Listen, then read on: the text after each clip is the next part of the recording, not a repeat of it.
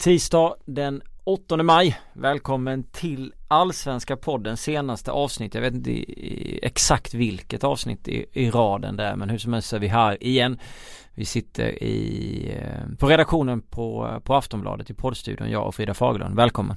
Tack så mycket! Det har hänt en del som vanligt i Allsvenskan. Ehm, vi hade rätt mycket negativt att spotta ur senast. Det är väl lite mindre antal saker nu men det är väl kanske mer koncentrerat. Tänkte faktiskt att vi börjar med en fråga bara för att vi gillar att ta frågor tidigt nu för tiden. Eller försöka i alla fall.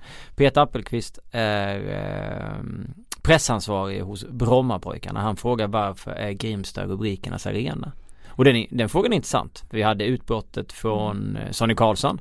Vi hade eh, domarsituationen nu senast. Mm. Och, och vad hade vi? Vi hade Östersund. Östersunds märkliga, när de inte, de kom för sent. Kunde inte tiden. Intåget. Kunde ja. inte tiden helt enkelt. Så att vi har haft mycket, haft mycket grejer där. Och vi hade, ja. Ja men precis. lät de stackars uh, småtjejerna stå och frysa där i helt utan, de hade inte ens några spelare som kunde stå bakom dem och, och värma mm. lite. Det så, såg lite komiskt ut. Eh, ja. Plockades för övrigt upp av väldigt många medier ute mm. i, eh, i Europa som också tyckte var anmärkningsvärt. Så det händer ju uppenbarligen inte speciellt ofta i andra ligor heller. Tror du att det var ett hån? Eh, Eller tror du på dem? Vadå att det var ett hån från Östersund? Ja att de ville trycka till på något sätt eller kunde de helt enkelt inte tiden? Nej jag tror det har att göra med så som de förklarade. Ja det tror jag också. Dock tycker jag det är lite intressant att de gärna vill att domarna ska komma och hämta dem. Ja det var roligt. Det, det känns lite ja. Hålla dem i handen på vägen ut. Ja men precis. Kan de inte hålla, hålla koll på, på tiden själva tycker man men eh, nej. Ja. Ja men det var lite så när folk skrev från början att de var nästan förbannade på Östersund för att de hade gjort så bla bla bla respektlöst och sådär. Uh, ja, jag tyckte det var lite väl hårt. Det är dåligt att passa tid, inte passa tiden i det läget, absolut. Men det var inte så att det var medvetet av dem att göra på det viset. Jag visste inte ens att folk blev upprörda men uh... i, I liven var det så och även på Twitter så Ja okej, okay. uh, nej men dumt misstag får väl inte upprepas igen helt enkelt. Så nej. är det bra med den saken. När det gäller upprörda personer så finns det nog ett gäng eh, i, eh, som håller på Djurgården. Kan jag tänka mig. I alla fall den känslan man får. Um, det finns um, jag visste inte om du skulle säga Djurgården eller Malmö. Nej jag, precis. Var så spänd. Tre raka förluster för Djurgårdens sida. Skulle vi gå igenom matcherna så tycker jag faktiskt inte att de gör en så dålig match i Malmö. Faktiskt. De förlorar med ett mål och Jag tycker att de släpper till en del målchanser, absolut. Men de, de skapar ändå en del också. Mot Hammarby förlorar de väldigt sent. Eh, vilket svider. Däremot mot, på Grimsta mot BP så var de dåliga. Då betonar jag verkligen dåliga för att eh, efter avbrottet då, första 25 eller 20 eller vad det var, så tycker jag ändå de skapar en hel del och absolut kunna göra mål. Men sen är det, det få idéer och dålig beslutsamhet, ingen kvalitet varken i box eller när bollarna ska in och sådär. Så det är mycket saker som saknas där och där tycker jag verkligen att man får se det här problemet som Djurgården har på anfallssidan, att det inte finns. Hade Kirim Rapti spelat alla matcher från start till nu så är jag säker på att Djurgården inte hade legat där. Då tror jag de har legat några happ Eh, hack längre upp för att han är så pass viktig för deras anfallsspel. Man vet om man har varandra, han har varit i klubben så pass länge och så. Det blir annorlunda med Tino och, och Buddy och det blir också så när Buddy har, han kan, det är, nu är det inte så mycket briljans men han kan ändå blanda briljans med fullständig, ja, usla eh, saker på planen. Han ser ut som en junior. Han liksom svävar emellan så här och blandar och ger. Och jag tror inte riktigt att Djurgården hade tänkt att det skulle vara så. Jag tror att de hade större förhoppningar på honom när han kom. Och sen då så jag vet jag skrev om Julian Kristoffersson. Jag undrar egentligen vad, vad han gör där. Och Jora spelar inte heller och så. Så det är ju verkligen, det är det som är problemet.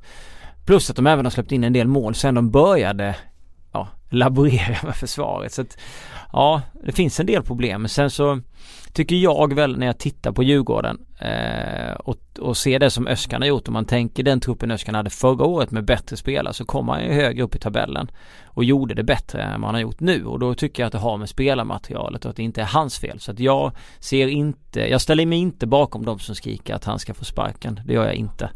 För att jag tycker inte att han är en dålig tränare. Um, däremot så tycker jag att han har just i dagsläget för dålig kvalitet i sin trupp. Sen så kan ju potentialen och kvaliteten finnas i spelarna men vi ser inte den just nu. På sätt och vis så var ju ribban ganska låg på förhand, alltså innan vi gick in i själva försäsongen och cupmatcher och så vidare mm. så var det inte så många som trodde på Djurgården överhuvudtaget. Och sen så såg de ju faktiskt väldigt starka ut och ja, tar sig till en cupfinal och, och vinner ett derby mot, mot AIK på vägen dit. Och helt plötsligt så hade ju förväntningarna höjts otroligt mycket. Mm. Sen är det som du säger att, att eh, försvaret har ju egentligen varit deras, deras styrka eh, och nu har de ju, även om alla mål har inte godkänts men de har ju faktiskt släppt in ganska mycket tidiga mål. Ja. Eh, vilket ju givetvis inte är speciellt bra. Nu blev ju Malmös mål där eh, avblåst efter eh, Jonas Olssons fall där i, i straffområdet men eh, hade det bedömts riktigt så hade det varit ytterligare ett mål då som man släpper in med efter bara ett fåtal minuter. Det är ju oroväckande mm. eftersom att det har varit deras styrka. Um, jag är ju inte riktigt övertygad om att Budgie kommer eh, bli den här eh, nya Sadio Mané som Som, det som har. skrevs i Senegal. ja det, typ. det um, det, det, känns ganska långt bort på något sätt. Jag, jag, kan absolut tänka mig att han kanske har det inombords men Han kan bli den baba Ja men det, det, får inte ta så här lång tid riktigt. Nej. Och hur, hur, många matcher ska en spelare få på sig att lyckas? Ska det kosta Djurgården eh, ett eh, obefintligt anfall i princip? Alltså det... Men det tog ju lång tid med Molunga å andra sidan. Ja men det gjorde det ju och det, det är väl därför de, Det är väl fortfarande väldigt många som som litar på Busse och hans eh, mm. eh, vad säger man, fingerspritch eller vad är det man brukar säga? Fingerspritchgefühlen uh, eller Ja precis. Uh, att han brukar ha känsla för det där. Att, att mm. kunna se när spelare har det där lilla extra. Uh, men ja, Buddy måste hitta det ganska snart. För att det ska ja, han, man får ju, för Bosses försvar får man ju då säga att han har lite oflyt. Att ingen anfallare nu har den där formen som, som behövs. Han har många. Han har kanske till och med en för mycket. Men det finns inte riktigt den där formen hos någon. Och hans bästa forward som jag ser är ju Kirim Rapti. Han har varit skadad, han är tillbaka nu och jag tror att det kommer se bättre ut för det Sten när han är tillbaka.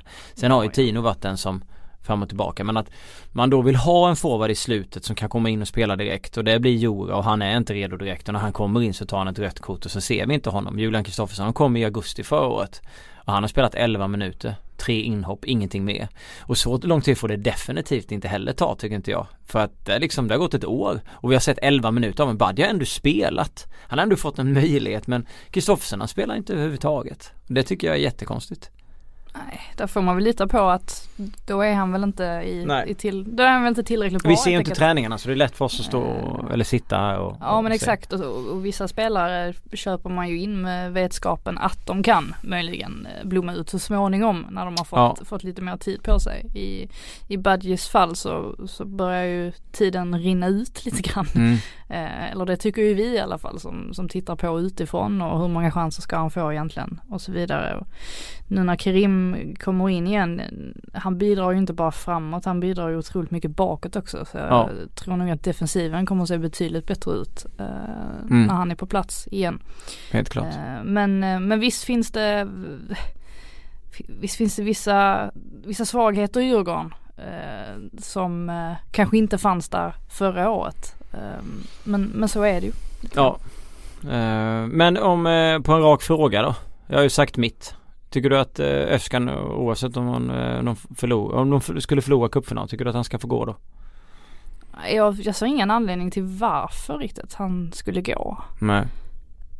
Så det som, blir ett nej? Som du säger så, jag tycker inte att de har spelat spelat uselt. De har, som, de har släppt in, ja men som mot Hammarby, att man släpper in ett tidigt mål där. Det är ju jätte, ett horribelt mål för det första. Mm. För att han, Tankovic är helt omarkerad inne i boxen. Det får inte ske. Nej. Samtidigt så, precis innan Padibas eh, segermål där i slutet mm. så har Jonas Olsson Nick som lika gärna kan gå i mål. Alltså det, ja. där är det så små marginaler ja. trots allt. Ja, och då kan man tycka också att de haft en riktig forward på alla, alla de här inläggen och inspelen som de har när Hammarby knappt anfaller. Då hade det ju smält in 2-1 och sen hade de lika väl kunnat kontra in kanske 3-1 och sen hade det varit 3 poäng och, och när derby-skiten varit borta mm. men nu Ja nu har man inte kvaliteten och därför lägger jag det mer på nästan ja, truppen eller, eller spelarnas form än vad jag lägger på tränare. Ett av de tydligaste misstagen som jag har sett Öskan göra det var ju i matchen mot Elfsborg där han eh, väljer att eh, göra ett defensivt byte mm. eh, precis i slutet och det blir ju ja, det blir ju ödesdigert på så vis att, att Elfsborg kvitterar och, Ja. och de tyckte ju själva att det kändes som en, som en förlust lite grann. Mm. Ehm, det det är väl i, i så fall det men i övrigt så, jag, jag tycker inte att eh, Öskan borde vara den som, som ligger närmast till hands att få sparken i alla fall. Nej. Och inte Pimenta nu heller även om vi, eller? även om vi kanske har varit och nallat lite. Jag tror fortfarande att BP kommer få det, Ja. det tufft. Eh, Det är klart man kan sprattla till då och då. Det gjorde ju Trelleborg också borta mot Norrköping. Mm. Eh, Och ändå går det fortsatt tungt så att, Mm. ehm, nej vi får väl se. Vi fortsätter med de tunga ämnena. Vi valde det senaste podden för er som inte lyssnade då så valde vi en negativ halvtimme och sen en positiv halvtimme. Nu kommer nog inte podden bli lika lång, säger jag alltid. Men vi börjar med det negativa och så går vi in på det positiva eh, efter det. Och vi håller oss kvar på det negativa. Och vi går från Djurgården till ett Malmö FF som, eh, där det inte heller är speciellt positivt för tillfället. Två lag som möttes alldeles nyligen nere i Skåne och där vann Malmö med 1-0 efter mål av Carlos Strandberg. Eh, innan det så har de mötts på Tele2 och då vann Djurgården med 3-0 och då var Malmö helt under isen skulle jag säga. Nu möts de i en cupfinal om någon dag här och efter att Djurgården förlorat, alltså hela den här grejen för, eller för Malmö, alltså hela den här grejen då av att Poja först innan det här klassiker, klassikermötet som vi alltid säger mellan Malmö FF och IFK Göteborg, går ut och säger att Malmö har 500 miljoner på banken, det enda de gör är, är att slå inlägg. Och sen så påtalar Magnus Persson här i Simo innan det börjar och så säger han att Göteborg är dåliga på det, framförallt Sebastian Eriksson. Och sen går Poja ut och bara vinner med 2-1 och så står Magnus där och så säger han efter matchen att det är en bra match för att statsen var här och där. Eh, men han har fortfarande noll poäng. Och eh, jag kan tycka någonstans eh, att man som tränare absolut kan titta sig blind på, på stats och, och det ena med det andra och, och snacka på det sättet och sådär. Men jag tycker att man ska sända lite an, annorlunda signaler. Jag tycker man ska vara mer besviken utåt. Jag tycker inte man kan stå som tränare i Malmö FF med tanke på var de ligger i, i, i tabellen och, och snacka så. Jag tycker att man ska liksom försöka ta det på mer allvar, mer allvar Eh, och vad det är också för tillfället. Det är ju en allvarlig situation för en regerande mästare att ligga där de ligger för tillfället. Och då tycker jag att man inte ska stå och prata om prestationer som är bra när de egentligen inte är bra. För har man så mycket boll, har man så mycket hörnor, har man så mycket inlägg och har man så mycket pengar på banken så tycker jag att man ska göra det bättre när man bygger laget och även bättre i en enskild match som IFK Göteborg. Ja, jag, jag håller med. Jag har väl tyckt lite grann att, eh, har väl sagt innan också att Magnus Persson har, har växt in i den här rollen som tränare i Malmö FF eh, på ett ganska, men ganska bra sätt. Eh, alltså innan eller tidig, tidigare. Och- Innan säsongen. Nej men jag, jag tänker jag tror att det jag tänker främst på är den här intervjun han gjorde efter, eh, efter segern mot IFK Göteborg i, i kuppen. Mm. Eh, och han var ganska, han var ganska dryg efter den på det här lite, lite skånska, malmöitiska sättet och då passade det, typ, alltså att vara Ja, på det, det med sättet. om. För att Köper det var mer, eh, det var mer klädsamt i den typen av situation och det blev ju, blev ju på något sätt humoristiskt för att det förankrades i den här malmöitiska Mm. malmöitiska sättet att vara på den här vinnarmentaliteten Mm. och så vidare och så vidare som vi Mm. alltid tjatar om. Men nu var det bara osnyggt Ja, efter den här typen av match.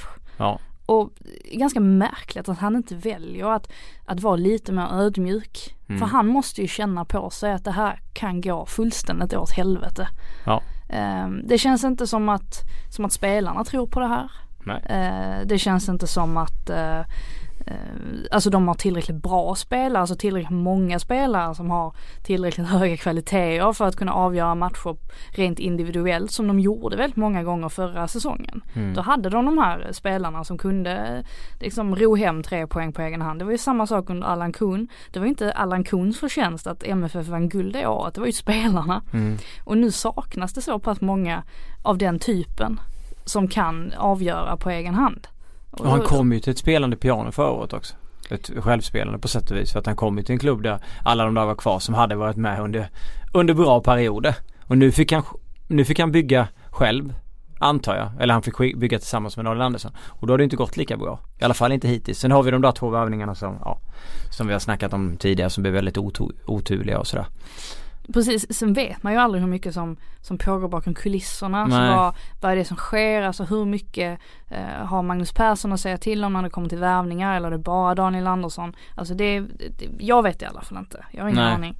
Eh, jag inbillar mig ju att Daniel Andersson drar i väldigt Mm. mycket trådar. Ehm, och i det fallet så ska man kanske lasta honom också lite för Ja. det här. För att eh, trots allt så har ju inte alla värvningar fallit väl ut. Och Nej. som du säger absolut, det finns en, en spelare som eh, det på förhand var ganska svårt att veta eh, att han eh, skulle hamna liksom i en juridisk eh, Ja. rättstvist och så vidare. Men sen samtidigt så, ja, fast det har ändå skett eh, Mm. på något sätt. Och det är nästan 18 miljoner på två spelare som, som man har kastat rakt ut i sjön. Eh, så det enda jag kan se som kommer kunna förändra det här det är om man ser till att värva hem någon spelare i sommar som verkligen har ett stort MFF-hjärta och kommer kunna göra skillnad i det här Here's laget. Jimmy. Alltså Jimmy Domas vore ju, han är ju ett drömexempel på många sätt. Ja. Han är ju en sån som, han hade gått rakt in i startelvan för det första, bara en sån grej. Mm. Ehm, och han hade kunnat axla det här ansvaret som liksom Rosenberg och Safari får ta på sig nu på något sätt. Alltså nu är det Mm. de som försöker liksom få till den här MFF, eh, åh det här hjärtat liksom som ska, fanan som ska bäras och så vidare. Men Bachirou där på mitten som gör vad han kan. Men Ja. det är inte så mycket mer. Han såg ut som världens starkaste man när han gjorde, när han låg bakom 1-1 målet. Han tryckte bort Göteborgare mot Göteborgare och så fick han fram den till Svanberg så fram till Strandberg och så var det 1-1. Och det var typ det enda riktigt fi, perfekta anfallet de hade centralt i banan. Sen var det från Kante och så stötte Göteborg ut i hörnet vilket var väldigt komiskt för att målet just kommer, alltså oj, centralt i banan. Ja, han är ju en fantastisk spelare. Alltså är det Ja. någon som har, som har kommit in bra i Malmö så är det ju verkligen Han ska ju absolut inte lastas. Nej, superbra värvning. Det, Ja. är, det är absolut inte så jag menar när jag bara lyfter fram Safari och Rosenberg. Jag menar bara Nej, att det jag, finns, det finns för få som, eh, som är de där eh, kulturbärarna lite grann. Mm. Eh, Men jag tycker lite att bekost, på bekost, jag förstår att man vill ha med Safari, han var ju kap, kapten då när, när matchen startade också, för- där när Rosenberg inte spelar. Men för mig känns det också liksom, då har du, då har du lagt 7-8 miljoner på Exxon Binako och han spelar inte. För att du har ju Safari där och han är rätt fin offensiv Binako som kan åka, du vet framåt, men det är lite Windheim mer. För Erik Larsson har inte varit så lyckosam, han, han gjorde ju bort sig här i matchen också. Även om jag tycker han var fin i Sundsvall. Men det, men det blir lite fel, han spelar på bekostnad av någon och sen lyckas inte. Det är många som underpresterar också samtidigt. Och i Malmö blir det så mycket värre när du har attityden.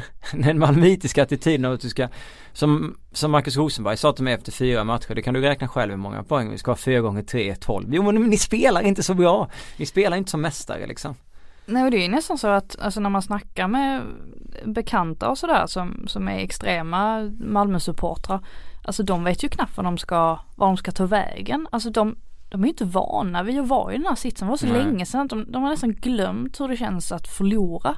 För det är en sak att förlora en enstaka match och sen så kommer man igen liksom nästan så Mm. Vinner man sju raka. ja, alltså. men Ja, precis. ja, Men nu börjar det ju verkligen se, ser så mörkt ut nu att man vet ju knappt var nej. Alltså det, det vänder väl någon gång men, men kommer det vändas tillräckligt snabbt för att det ska kunna bli ett nytt SM-guld eller kommer det bli så att man liksom kämpar en som om Europaplatser? Alltså det är, ja, det är många, många frågetecken och frågan är om Magnus Persson hur länge han har på sig att, att vända det här. Jag Mm. tror inte att det är överdrivet länge. eh. Faktiskt. Det är Skånederbyt mot eh, Trelleborg på söndag blir ju plötsligt eh, Alltså betyder ju plötsligt hur mycket som helst. Ja, Eh, det trodde man ju bara skulle vara matchen skulle dansa förbi för Malmö men det blir ju För tittar man så är de två, de är tre poäng före Djurgården men de har ju, alltså de har gjort två mål mer men de har också släppt in fyra fler och två mål mer än Djurgården, ett Djurgården som vi tycker har alldeles för, för dåligt anfallsspel. Alltså det är inte så att Malmö liksom sprudlar i sin, i sin offensiv. Det är, det är där, men det är konstigt också för att det såg så bra ut på försäsongen. Det såg så fyndigt ut emellanåt men den fyndigheten, ja, det är det jag är så kvar. förvånad över men kan det vara någonstans att man tänker att det kanske gick för bra på försäsongen. Förstår Alltså, det har ju varit bra i flera år för dem. Ja men om man tänker, jo absolut. Att det gick för men, men om lätt jag tänker på, att slussa in de eh, nya på spelarna. ett sånt lag som AIK som, som faktiskt hade ganska tungt och kämpigt. Mm. Ehm, och till och med eh, åker på en stor förlust i genrepet mot ett superettanlag. Ehm, alltså när man kliver in med, med den vetskapen så det kanske passar dem lite bättre att kliva in på det sättet och känna liksom nu, nu jäklar ska vi, ska vi visa dem.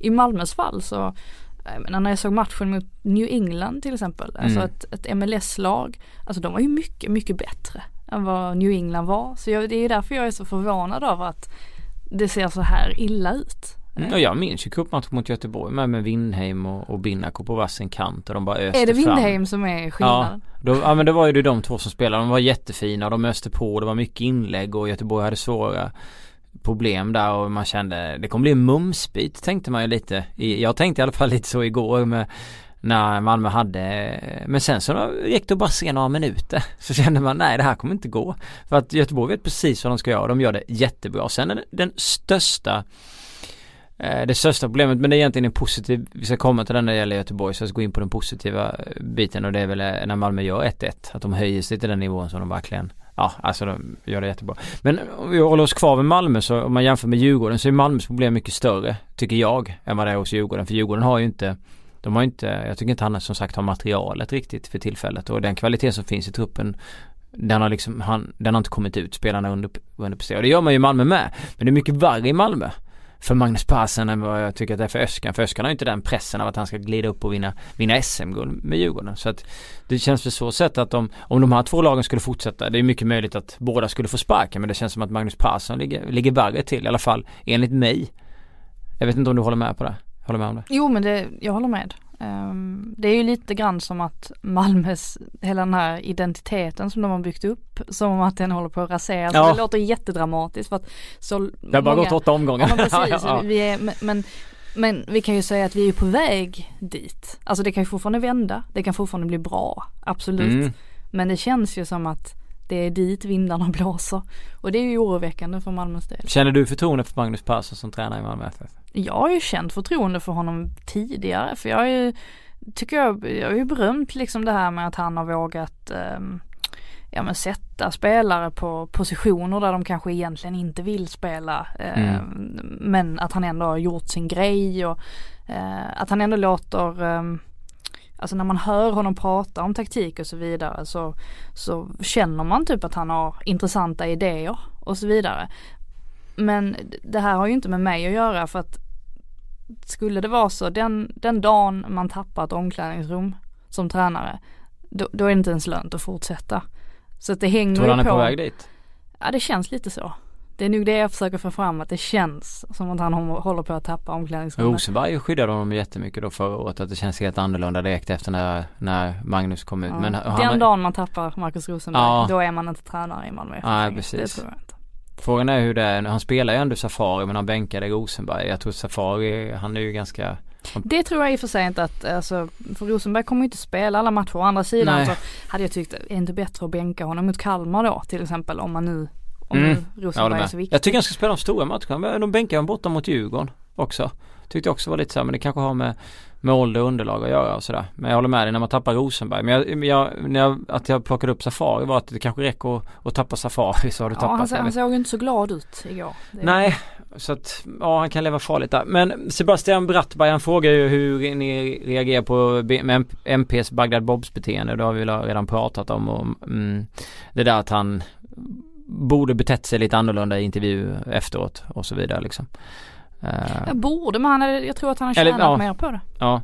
Eh, och sen eh, Martin Bengtsson. Hur stor chans har TFF att vinna över Malmö FF i kris? Det luktar nog mer derbyseger än tång i Trelleborg den här helgen. Det är faktiskt sant att det luktar rätt mycket tång i Trelleborg. I alla fall när man kör in liksom.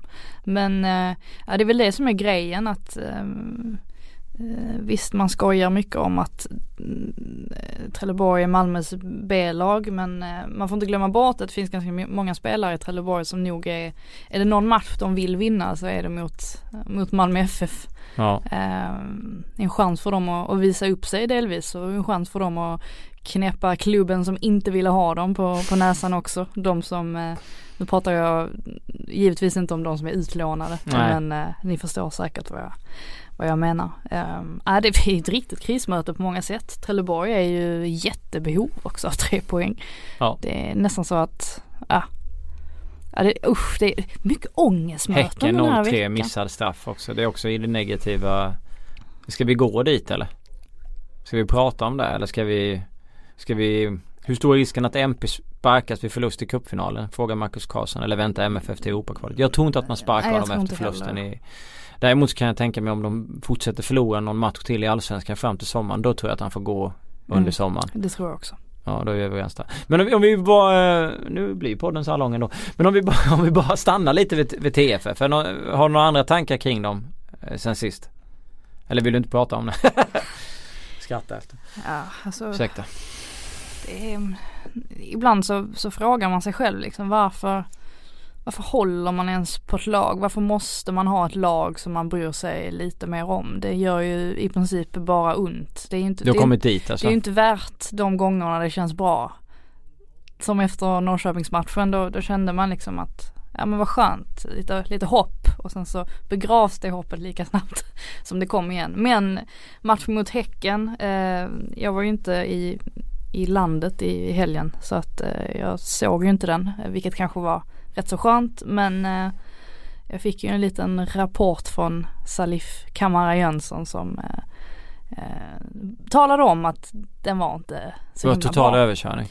Det var total överkörning. Trelleborg hade en straff och missade den och Häcken vann med 3-0. De hade, alltså de hade ju mycket målchanser som helst. Egentligen så kommer ju straffen i ett ganska bra läge där Ja. man ändå ligger under med 2-0. Finns lite tid Eh, att skapa Ja men nerv. precis under ja. 10 minuter. Sätter man bara den, då är det Mm. lugnt. Jag har ju sett straffen. Och jag, det var ju länge sedan man såg en så dåligt slagen Ja. straff.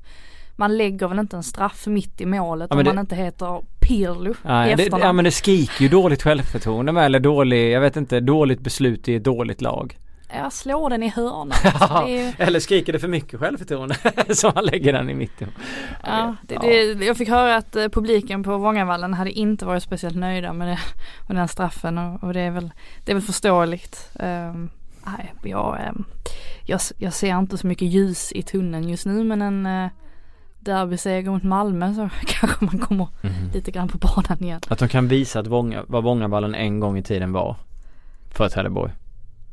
Vadå, kan man börja köra långbollar upp till, ja varför inte? Ja men varför inte Upp liksom? till Karlsson på, på topp där så han kan stånga in. Han är ju stor som tusan liksom. Ja. Borde utnyttja hans, eh, hans kraftfullhet mycket mer än vad man gör nu. Mm. Eh, vi går vidare på den negativa delen. Det finns faktiskt en del kvar. Även om jag tyckte att den var länge. Men vi stannar väldigt länge på Djurgården och Malmö. Det blir ju så. Jordan Larsson, tre matchers avstängning, sparkar till där och åker på ett, eh, på ett rött och, och, och det förlängs. Eh, där. Blir det tre matcher totalt eller var det tre till?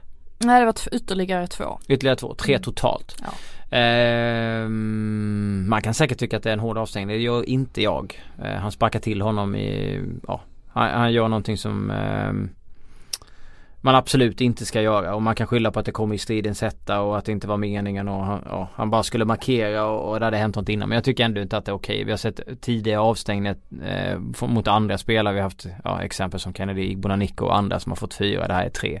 Så jag, jag tycker inte att det här är konstigt. Jag tyckte det var lite, lite märkligt för jag såg på, på Twitter att vissa jämförde det här med Åmos avstängning eh, och tyckte liksom att åh, det här är ju eh, inte alls lika illa som det Åmo gjorde. Och nej absolut, utgången blev inte lika illa eh, som när Åmo gjorde det.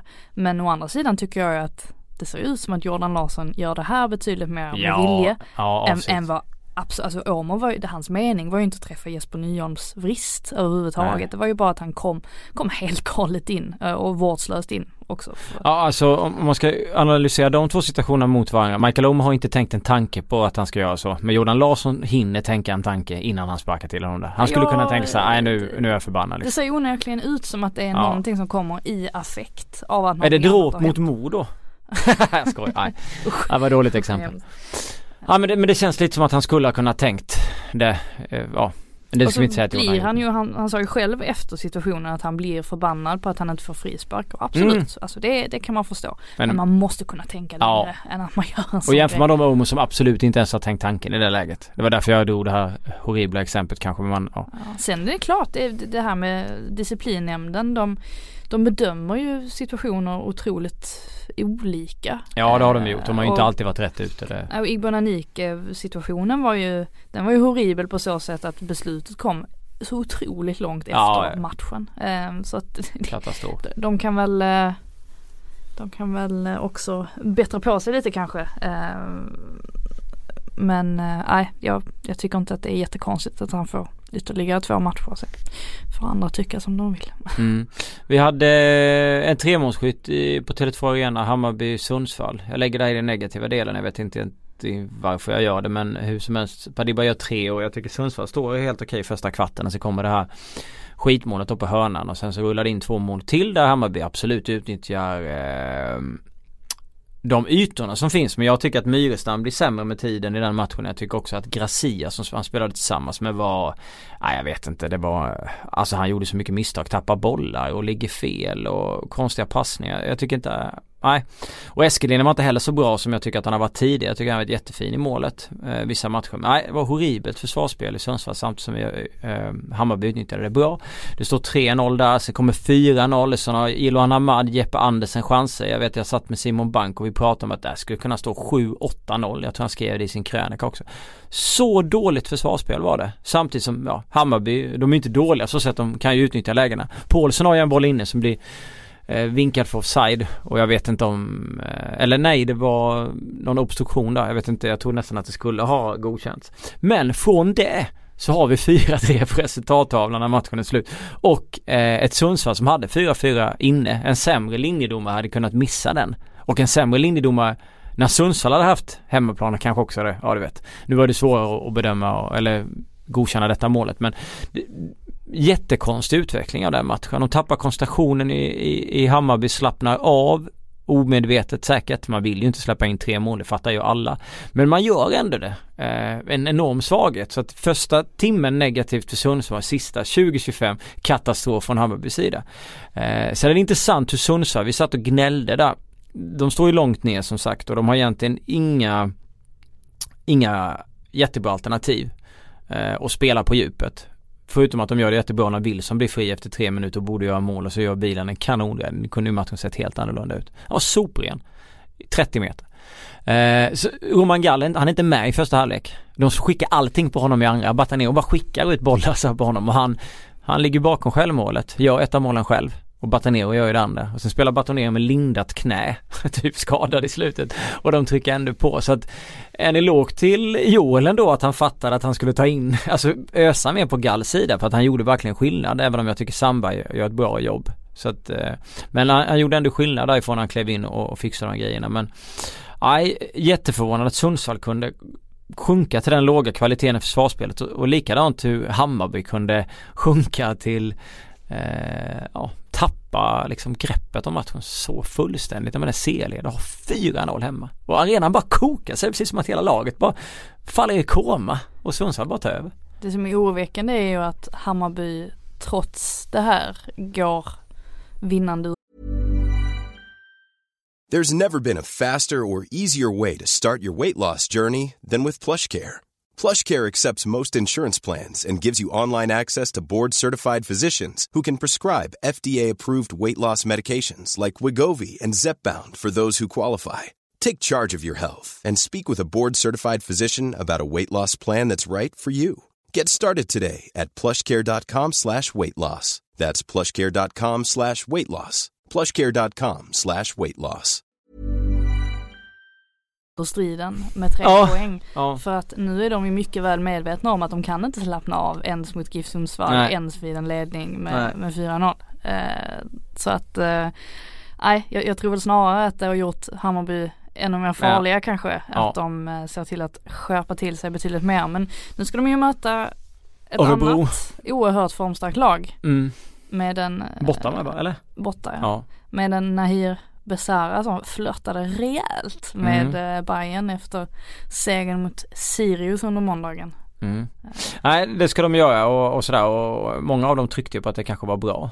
Hamad sa ju det innan han skulle möta, få åka hem till moderstaden Örebro. Så sa han ju att det var bra kanske att slappna av på det sättet för att då var vi tvungna att vakna. Det var som en örfil ungefär för att man skulle bli lite piggare inför Örebro-matchen då. Eh, innan vi går över till Örebro, det kommer ju bli en liten segway där. Eh, Sirius problem. Det snackas om åtta spelare kan missa Kalmar. Du var och tittade på matchen mot Örebro och släppte in fyra. Ja, Sirius går ju ofta under radarn eftersom att eh, Förutom ja. då Joshua Wicks, sen gick inte under radarn. Den gick, men inte, den gick inte jättemycket under radarn, nej. Eh, men det är ju faktiskt så att Sirius har ju, om man snackar om att AIK har skadeproblem så har mm. ju Sirius eh, skadeproblem så in i bomben. Kanske fler än åtta? Eh, jag tror det är åtta just nu. Sen är det väl alltid någon som kommer tillbaka och som mm. tvingas gå ut igen. Eh, nej men att eh, igår till exempel mot, eh, mot Örebro-matchen där då är det två, två spelare som tvingas utgå innan paus. Eh, Sam Lundholm och eh, Eisvold var väl den andra. Mm. Eh, och det är givetvis Alltså det, det, gör ju liksom att, alltså tvingas göra två byten så tidigt, alltså det hackar ju hela, hela matchplanen. Alltså allting blir ju, blir upp och nervänt. Ja. Ehm, och det är nästan som att man börjar Eh, börjar anta att det ska bli så. Ja men gud vi vet ju att minst en spelare i Sirius kommer skada sig i första halvlek mm. för så har det varit de mm. senaste matcherna. Och, eh, Thomas Lagerlöf satt ju på, på presskonferensen efteråt och försökte förstå hur det kommer att kunna bli så här för det är ju väldigt mycket alltså mjukdelsskador. Eh, ja. Han berättade att för något år sedan så, så var det fem spelare i laget som hade frakturer i handen eller i händerna. Eh, och det var ju också jättekonstigt.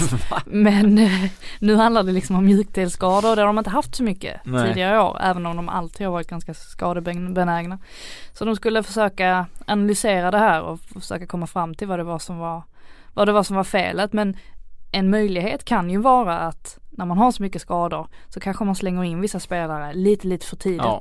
när de inte är riktigt riktigt hundraprocentiga och då blir det ju som en ond cirkel ja, ja. Att, att alla får ont igen. Stressa med uh, att få tillbaka Ja folk. men otroligt, otroligt tuff situation för, för Sirius och egentligen har man ju inte spelat jag tycker inte att man har spelat speciellt dåligt Eh, man var inte speciellt dåliga i, i dubbelmötet där mot AIK. Man, man var inte... Ja, man var, ja, man var inte usla i, igår mot Örebro. Absolut inte. Problemet blir ju att man släpper in så fruktansvärt enkla mål.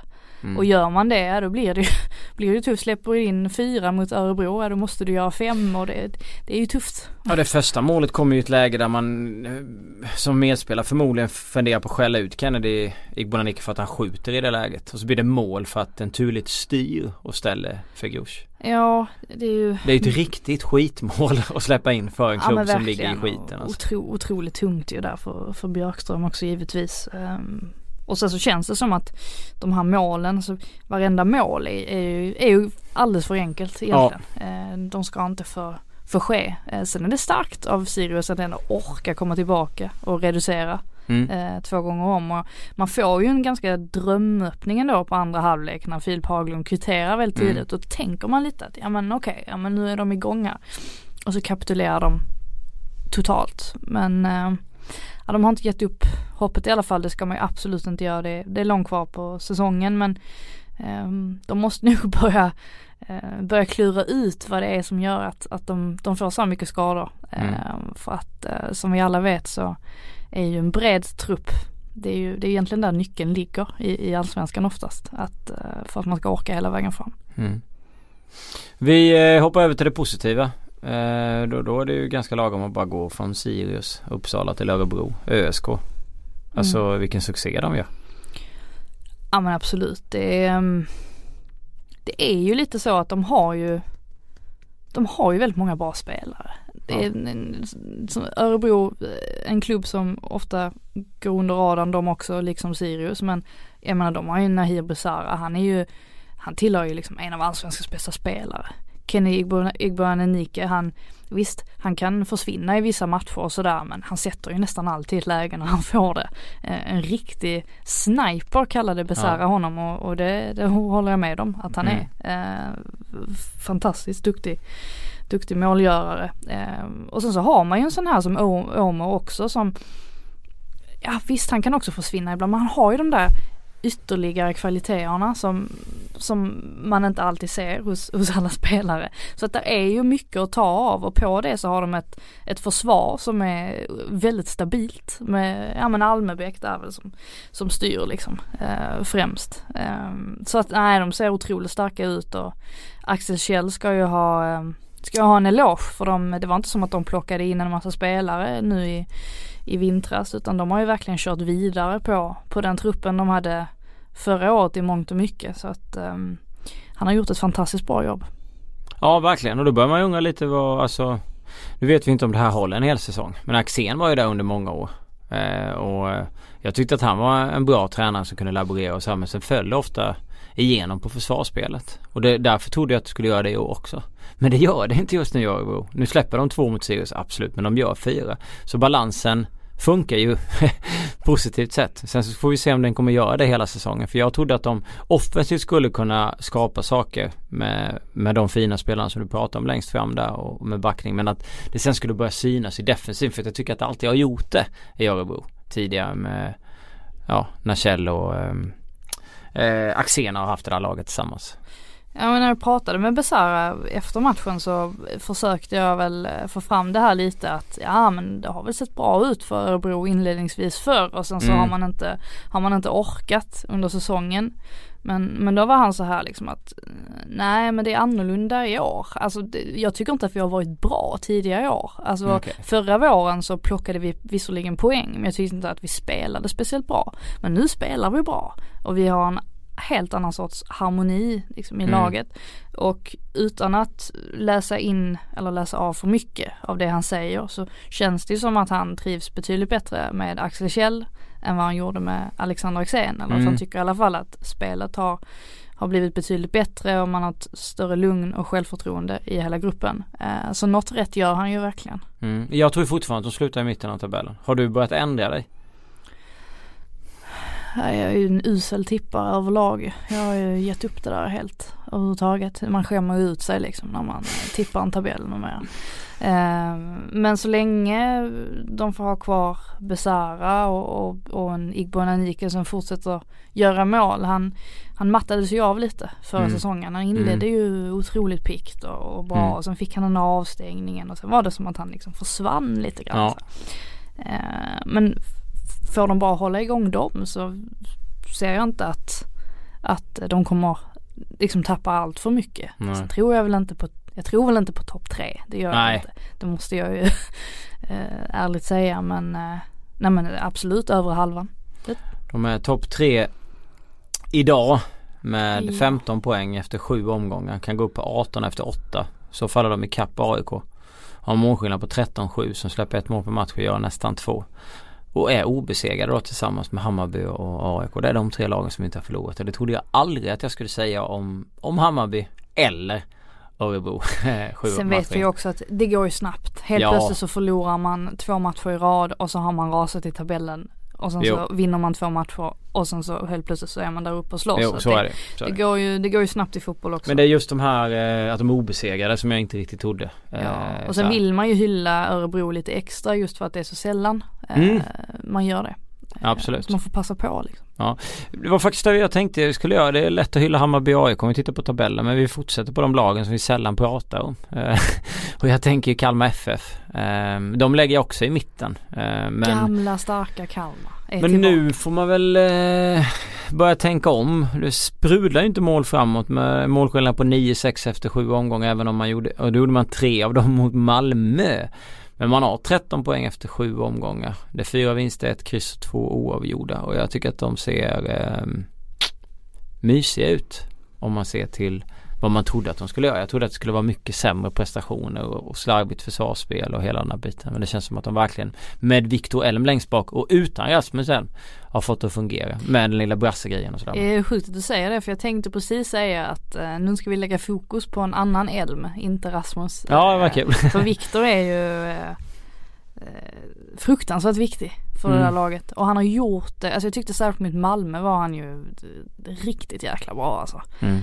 Um, det känns som att så länge man har en kugge där bak som man liksom kan utgå ifrån så, så funkar ju hela Nannes eh, matchplan här det här med att anpassa sig efter motståndaren och, Mm. och kanske inte spela den mest kreativa fotbollen. Alltså som fotbollsspelare är det säkert inte den roligaste fotbollen man, man kan spela. Men den är ju oerhört effektiv för man bryter ju ner motståndaren på ett sätt som, som, eh, ja, men som inbringar en, en massa poäng. Ja. Eh, Så cred, cred till Nanne eh, vars, vars plan fortfarande fungerar och han har ju lyckats göra Kalmar till det här ja men gamla eh, oslagbara Kalmar nästan. Eh, Guldfågeln är ju det är ju liksom inga, inga tre poäng som man hämtar hem hur enkelt som helst längre. Nej, så är det kul med Viktor Elm att han har eh, När han var i Kalmar förr så var han ju inte där nere och och mörsade utan han var ju en helt annan typ av spelare när han slog igenom. Och, ja, fantastiskt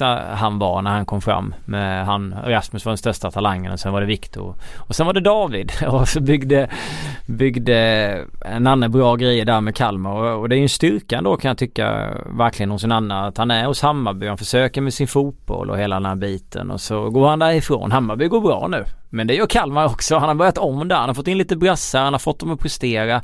Och det funkar bra. Och det finns fortfarande mycket att ta av i och med att Rasmus Elm spelar inte. Och Arton liksom har det också. Du, du har mer kapital där att ta av. Och frågan är liksom hur länge det här ska funka. Hur, hur, hur länge ska Victor Elm, ska han, ska han hålla liksom hela den här fina formen hela säsongen. Han är ju liksom inte 37-38 eller utan han är 32 år gammal. Jag såg till och med att Um, Ulrik han är ju, nu bor han ju där nere så han är väl lite förargad men han skrev någonting om, om Viktor där och, och, och någon VM-grej tror jag och, och något annat. Jag vet inte om han gjorde det i mejlen och sådär. Det är lätt att, lätt att göra det.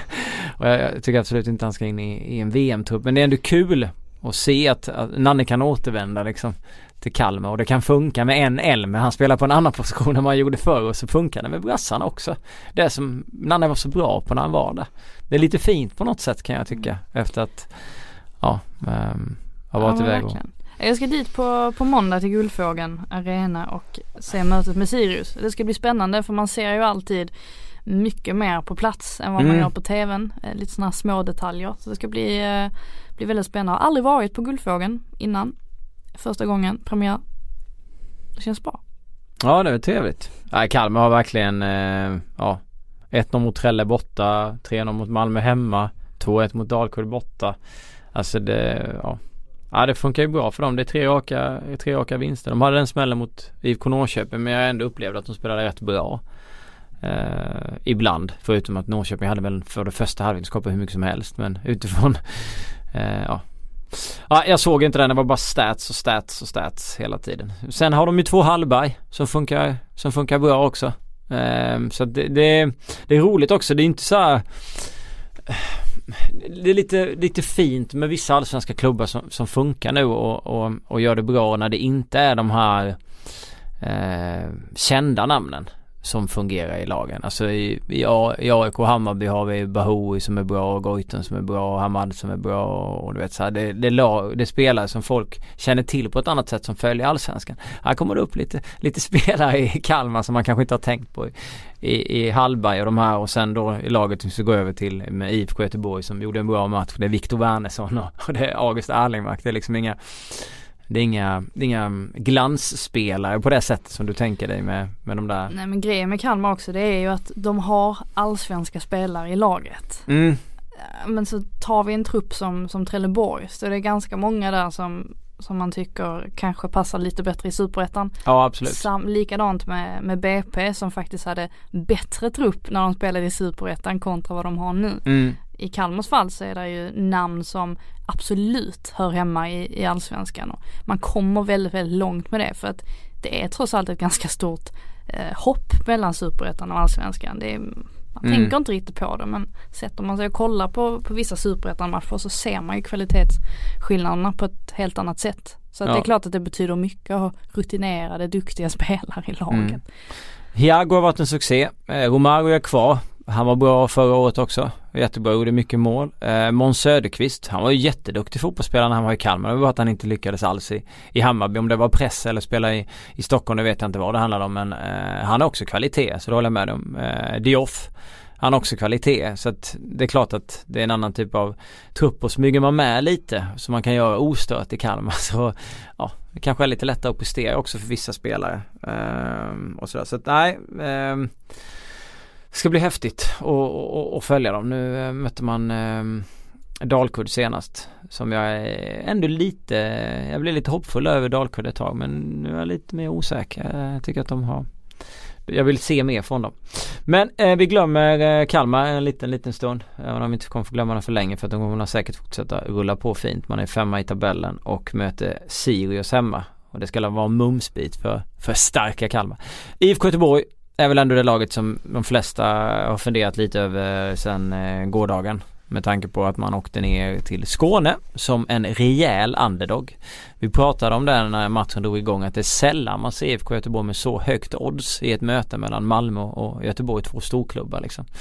De stod i 6-7 gånger pengarna och skulle möta Malmö som givetvis är rena mästare och större plånbok och bättre spelare och hela den biten. Men, men Poja pratar om att eh, Mag ja, Magnus Persson och Malmö 500 miljoner på banken och så hela den där biten liksom och det vi pratade om i början och så, så gör man det så pass bra utifrån sina förutsättningar. Man kan tycka att eh, om man är Malmö-support kan man tycka att man var på Magnus sida och hålla med om att de skapade mycket och hade det mesta bollen och försökte spela fotboll i Göteborg stod mest upp och, och, så. Men jag kan, jag tycker att de gör rätt i det. De, de vet hur Malmö ska anfalla. De åker dit förhoppningsvis för att ta en poäng. Alltså alla fotbollsspelare vill alltid vinna tre men jag tror att en poäng var väl det realistiska för dem. Och de försvarar sig bra tycker jag. Malmö går runt lite på kanterna men det är alltid spelare där som täcker ut i hörnor som är helt resultatlösa. Och det är väl någon, någon målchans har de. Och sen i andra så är just, de gör ju det här målet på Erik Larssons miss. Och sen i andra när Malmö har kvitterat genom Strandberg så tycker jag att de, de höjer sig oväntat för mig. De, alltså, de börjar komma med flera omställningar. August Arlingmark hade ju precis en farlig omställning innan 1-1 målet. Han får bollen inspelad från vänster och är fri framför Johan Dahlin och avslutar på Dahlin står rätt. Men sen fortsätter det där och det blir mer omställningar. Man har han gör ju det här målet strax efteråt. Återigen Kalesir. En kanonfin macka ut till Salomonsson och så rakt in i boxen och så kommer Erlingmark där och skickar in 2-1. Och sen har de fler sådana situationer och jag tycker att de liksom blandar det där. De rullar runt en del som Poja vill att de ska göra men de gör det med tålamod ganska långt ner. Och sen växlar de när Malmö kliver lite, lite upp så bjuder Kalexir på en 40 meters boll som, som funkar två gånger om.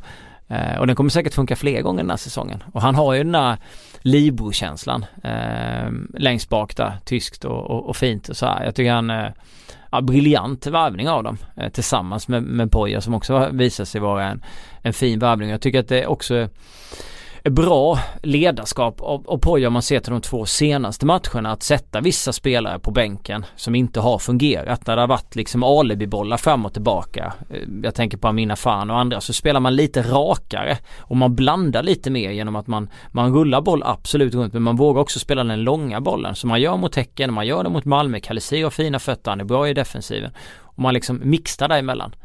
Um, och sen så tyckte vi att det var lite roligt att vi skrev Wernersson och Erlingmark i, i ingressen där som de gamla goda tiderna och tänkte på Magnus Erlingmark och Thomas Wernersson. Men det kändes lite sådär igår att um, ja Göteborg vaknade till. Sen om det var välförtjänt eller inte det, det, det, det fan på. Men jag tycker att det var en väldigt bra matchplan av Poja och IFK Göteborg som lag imponerade väldigt mycket på mig. Dahlberg var också jättebra i, i målet och sådär och det var mycket som fungerade för dem. Um. Intressant det där ändå med, med ordet välförtjänt. Hur vinner man en match välförtjänt? Det känns som att de flestas definition, eller mångas definition, mm. det är att så länge man har vunnit possession så då, Ja exakt. Då har man Meningslös possession kan det vara också ibland. Ja exakt, men det är en, det är en annan diskussion. Men jag tycker Kadesir, det var, det var länge sedan man såg en så stabil pjäs på något sätt i, i Blåvitts försvar. Mm. Det är ju, det är ju kul att se och eh, han får ju väldigt mycket uppskattning också. Eh, och det ska han ha, givetvis.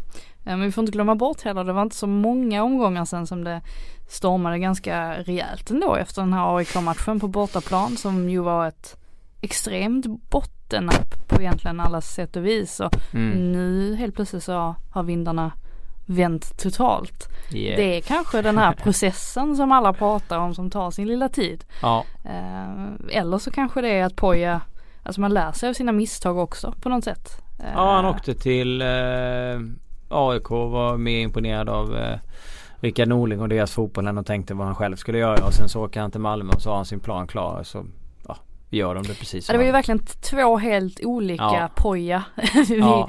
vi såg. Alltså ja. en mot AIK och en här mot Malmö. Här i Malmö hetsade han ju till och med lite. Alltså Ja. jag, jag inbillar mig i alla fall att sätter man sig på en presskonferens efter en 2-1 seger mot Malmö och säger att, och inleder med att säga liksom, eller inleder, men han avslutar väl med att säga att han tyckte att det var en välförtjänt seger och det tyckte han säkert. Eh, men han måste också ha förstått att det skulle trycka på, på rätt knappar hos Magnus Persson. Eh, han är nog inte, det är ingen korkad person liksom. Nej. Det verkar inte som det i alla fall på Ashbaghi. Um, så att, ja, det var intressant att se verkligen, alltså sån, så, så olikt ehm, det var. Men det kändes som att han tuffade till sig lite mer också efter förlusten mot AIK för att han var ju han var ju även kritisk mot, mot media och, och många sådär som, som kritiserade. Exempelvis Axén då i, Mm. i Simon-studion så att han kanske fick lite mer skinn på näsan efter det där på något sätt. Härligt tycker jag. Han ska ha all beröm och det ska IFK Göteborg också ha. Ehm, och eh, nej, August Arlingmark eh, ehm, han var bra i, mot Häcken i, i, i derbyt och han var, var bra nu och, och mittfältet funkar mycket bättre eh, utan Amin Afane. eh, Men tänk vad fantastiskt det är att man har fått in någon med blåvitt bakgrund. Eh, Det är ingen spelare som är inlånad på Du menar August Arlingmark? Ja, alltså visst är det, fantastiskt. Ja. En, en, det är ju precis det de vill. Det är ju det, Mm. här, är ju- det är precis det här det har snackats om. Att Ja. man ska slussa in de här riktiga blåvitt-spelarna Mm. ehm, i den här processen. Gud vad det, är, det ordet dyker upp överallt alltså. Hela Ja, jag tiden. vet. Och sen har de då, de har två eh, de har Karl Starfelt, BP 22 år, Viktor Wernersson Skåning 22 år.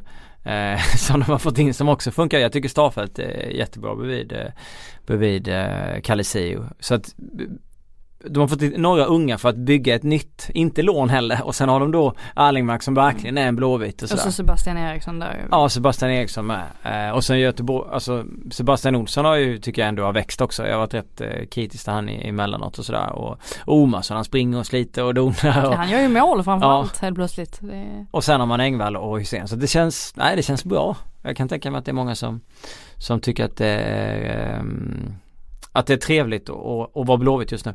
En, en svår fråga.